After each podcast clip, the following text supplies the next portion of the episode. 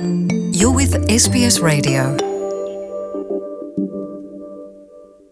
Хей уу? SBS радиоос хүргэдэг подкастынхаа ээлж дугаарыг та бүхэндээ хүрэхэд бэлэн болсон байна. Анх удаа байр авах буцалтгүйд итгэмжид хэрхэн хамрагдах вэ? Австрали улс даяар үл хөдлөх хөрөнгийн үн өсөж байгаа нь шинээр анх удаа байр худалдан авагчдад улам их хүндрэлтэй болгож байна. Харин засгийн газрын тусламжтайгаар өөрийн гэсэн байртаа болох мөрөдөл биелэх боломжтой. Анх удаа байр авах буцалтгүйд итгэмж нь танд өөрийн анхны байрандаа эртхүүл тавих боломжийг олгодог. Австрали улсад одоогоос бараг 20 жилийн өмнө анх удаа өөрийн байртай болох гэж байгаа хүмүүст туслах зорилготой энэхүү үндэсний хөтөлбөрийг хэрэгжүүлж эхэлсэн байна. Энэ хөтөлбөрийн дагуу анх удаа байр худалдан авах эсвэл бариулах гэж байгаа хүмүүс хөрөнгийн чадварын шалгуургүйгээр нэг удаагийн буцалтгүйд итгэмж авдаг. Филиппин улсаас Австрали улс руу нүүж ирсэн Стейси Юро энд итгэмж түүний гэр бүлийн байр авах төлөвлөгөөнд маш чухал хэмээн хэлж байлаа. Yeah, so we have thought about it and we've read about it as well and researched about it.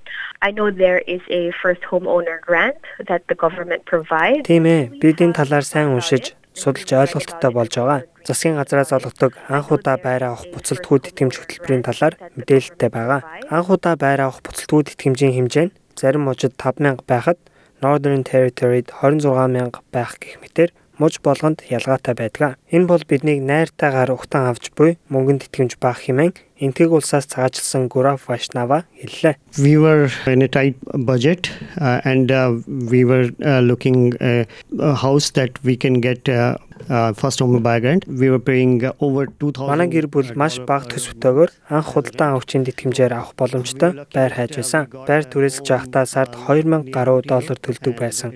Харин дараа нь Рути хийлийн ойролцоо маш аятайхан таунхаус худалдаж авсан. Анх удаа байр авах буцалтгүйд итгэмж нь зөвхөн шин байшин болон орон сууцнд л олгогддог хэмээн Параматагийн хуулийн фирмд ажилладаг Соня Акра тайлбарллаа.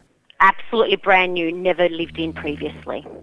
And generally the builder or the Цоо шин өмнө хүн амьдарч байгаагүй байх ёстой. Ихэнхдээ орон сууц зарж байгаа хүн эсвэл барилга барьсан хүн нь үүнийг баталсан сертификат олгодог. Энд итгэмжинд хамрагдахын тулд өргөдөл гарагч 18 наснаас дээш настай Австрали улсын иргэн эсвэл байнгын оршин суугч байх ёстой. Хэрвээ өвөл хөдлөх хөрөнгө хоёр хүний нэрээр худалдан авч байгаа бол аль нэг хүн нь эдгээр шалгуурт тэнцэж байх ёстой хэмээн Мельбурн хотын өвөл хөдлөх хөрөнгө зуучлагч байгууллагын Рахат Мишо хэллээ. So you have to be a resident, okay? Um, you have to be citizen or permits in Australia. to Та оршин суугч байх хэрэгтэй. Иргэн эсвэл байнгын оршин суугч болсон тохиолдолд энд итгэмжийг авах боломжтой. Хэрвээ та гадаадын төр оршин суугч бол авах боломжгүй. Та Австралийн жинхэнэ оршин суугч байх хэрэгтэй юм а. Хэдийгээр анх удаа байр авах буцалтгүйд итгэмжийн хэмжээ нь муж болгонд ялгаатайч тэтгэмж авагч нь худалдан авалтын дараа тухайн байранда хамгийн багадаа 6 сар тасралтгүй амьдрах нөхцөлтэй байдаг. Гэхдээ шинэ байр эсвэл байшингаа бас түрээсэлж болно хэмээн Соня Акра нэмж хэлж байсан юм а. you have to live in it for a period of 6 months within 12 months. So you can rent it out for the first 6 months of the settlement. Та 12 сарын хугацаанд 6 сар тасралтгүй тухайн байранда өөрсдөө амьдарсан байх нөхцөлтэй. Тэгэхээр эхний сар нь түрээслээд дараагийн 6 сар нь өөрсдөө амьдарч болно. Орчин сууснаас 12 сарын хугацаанд багтсан байх хэрэгтэй юм. Энэхүү тэтгэмжийн хөтөлбөрт хамрагдах олон аргууд байдаг. Тухайн мужийн захиргаагаар дамжуулан өөрийн биеэр өргөдөл гаргах эсвэл байрны зээл олгогчоор дамжуулан өргөдөл гаргаж болно. Энэ тэтгэмж нь шинэ байрандаа орсны дараа зээл олгогчид төлөгдөж зээлийн хэмжээг багасгах эсвэл анх байр худалдан авахд хуримтлуулах урьдчилан хадгаламжинд нэмэгдэж болно. Гэхдээ Австрали даяарх саяхны байрны огцон өсөлт нь энэ хөтөлбөрийн нөлөөг зарим талаараа багасгасан хэмээн Ракат Мишо хэлж байлаа. Given from the government to the first home buyer to help them and support them buy their first home. Засгийн газраас анх удаа байр авч буй хүмүүст туслах дэмжих зорилготой олгож буй тэтгэмж нь хэдийгээр их биш ч гэсэн маш их дэмжлэг болдог. Хэдийгээр бага ч гэсэн огт байгаагүйгээс хамаагүй дээр шүү дээ хэмээн Стейси Юро нэмж хэллээ. That is a good start and it is a good help, you know, than nothing, but will hardly make a dent. Энэ бол амьдралынхаа гарааг тавих эерэг дэмжлэг байгаагүйгээс хамаагүй дээр шүү дээ. Гэхдээ тийм ч том өөрчлөлт хийхгүй.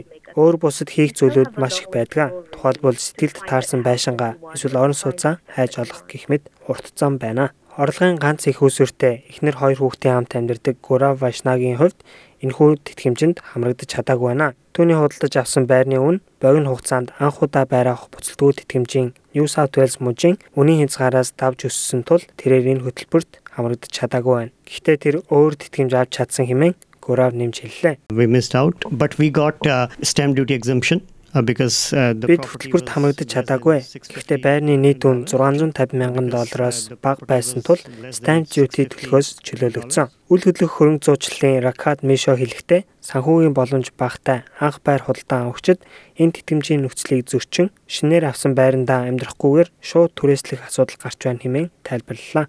Уг нөхцөлийг зөрчсөн хүмүүс тэтгэмжээ буцаан төлөх шаардлагатай болдог хэмээн тэрээр анхаарууллаа. Анх удаа байр авах буцалтгүй тэтгэмжийн хэмжээ муж болгонд ялгаатай байдаг. New South Wales мужид 600 мянган доллар хүртэлх үнэтэй байр худалдан авах бол 10 мянган долларын буцалтгүй тэтгэмж авах хүсэлт гаргаж болно. Queensland мужид 750 мянган доллар хүртэлх үн цэнтэй байр худалдаж авах эсвэл шинээр бариулахад 15 мянган долларын тэтгэмж авах боломжтой. Northern Territory харин анх удаа байр худалдан авагчдад шинэ байр худалдан авах, бариулах эсвэл газартай байр авахд 26 мянган долларын тэтгэмж байрны үнээс үл хамааран авах боломжтой. Western Australia буюу баруун Австральд 1 сая доллар хүртэлх үнэтэй шинэ байр худалдан авах эсвэл бариулахад шалгуурт тэнцсэн өрөөдөл гаргагч 10 мянган доллар хүртэлх хэмжээний анх удаа байр авах буцалтгүй тэтгэмж авах боломжтой юм байна. Харин South Australia мужид зөвхөн 575 мянган доллар хүртэлх үнэтэй байранд 15 мянган долларын тэтгэмжийг анх худалдан авагчдад санал болгодог юм байна. Victoria'д анх байр худалдан авагч бүс нутагт 20 мянган доллар, харин хотуудад 10 мянган долларын тэтгэмж авах боломжтой. Шалгуурт тэнцсэн өргөдөл гарагчийн худалдан авах байрны үн хамгийн ихдээ 750 мянган доллар байх ёстой. Тасманиад шинээр байр авахд 20 мянган долларын буцалтгүй тэтгэмж авах хэрэгтэй. Харин ACT-д нийслэл хотод амьдарч буй анх байр худалдан авагчид 750 мянган доллар хүртэлх үнэтэй байранд 7 мянган долларын тэтгэмж авдаг байна. Энэхүү дугаар маань та бүхэнд таалагдсан гэж найдаж байна. Дараагийнхаа дугаараар эргээд уулзцгаая.